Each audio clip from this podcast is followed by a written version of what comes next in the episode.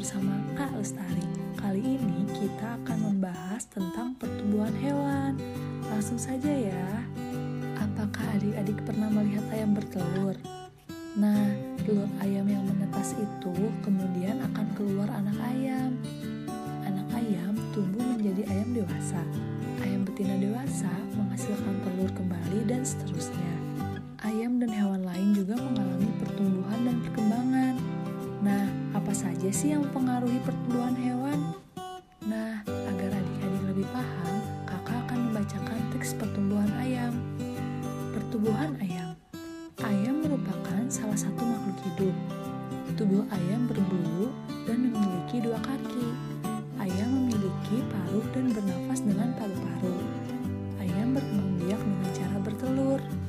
Ayam mengalami perubahan bentuk mulai dari telur sampai menjadi ayam dewasa. Setiap hari, ayam diberi makan dan minum, sehingga ukuran tubuh ayam bertambah besar. Ayam mengalami pertumbuhan. Nah, jadi adik-adik sudah tahu kan bahwa ayam itu bertumbuh, yaitu ditandai dengan adanya perubahan dari telur sampai menjadi ayam dewasa. Jadi, yang mempengaruhi pertumbuhan hewan itu adalah makanan dan minuman ya adik-adik. Jika adik-adik memelihara hewan, jangan lupa untuk memberikan makan dan minumnya ya, agar hewan adik-adik bertumbuh. Sekian materi dari kakak mengenai pertumbuhan hewan, semoga bermanfaat ya. Terima kasih.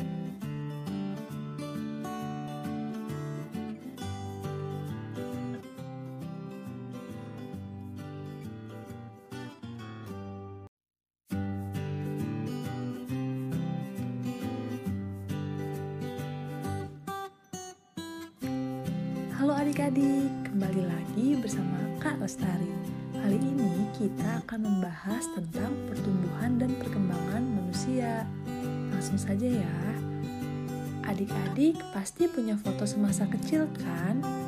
Coba deh, apa sih perbedaan adik-adik di foto itu dibandingkan dengan adik-adik sekarang? Iya benar, adik-adik bertambah tinggi dan berat badannya ya. Nah, kita sebagai manusia itu mengalami pertumbuhan dan perkembangan. Apa sih pertumbuhan itu? Jadi, pertumbuhan itu artinya bertambah ukuran berat badan dan tinggi badan. Pada manusia, pertumbuhan sudah terjadi sejak di dalam perut ibu hingga dewasa. Nah, biasanya pertumbuhan manusia akan terhenti saat dewasa.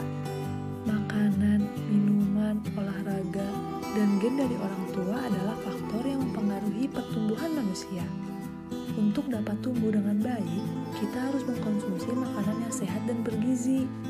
Makanan sehat dan bergizi terdiri dari makanan pokok, lauk pauk, sayur, buah, dan susu.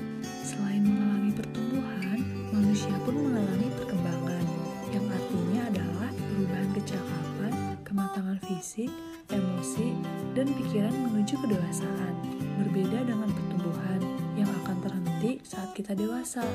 Perkembangan emosi dan pikiran manusia justru akan terus berkembang.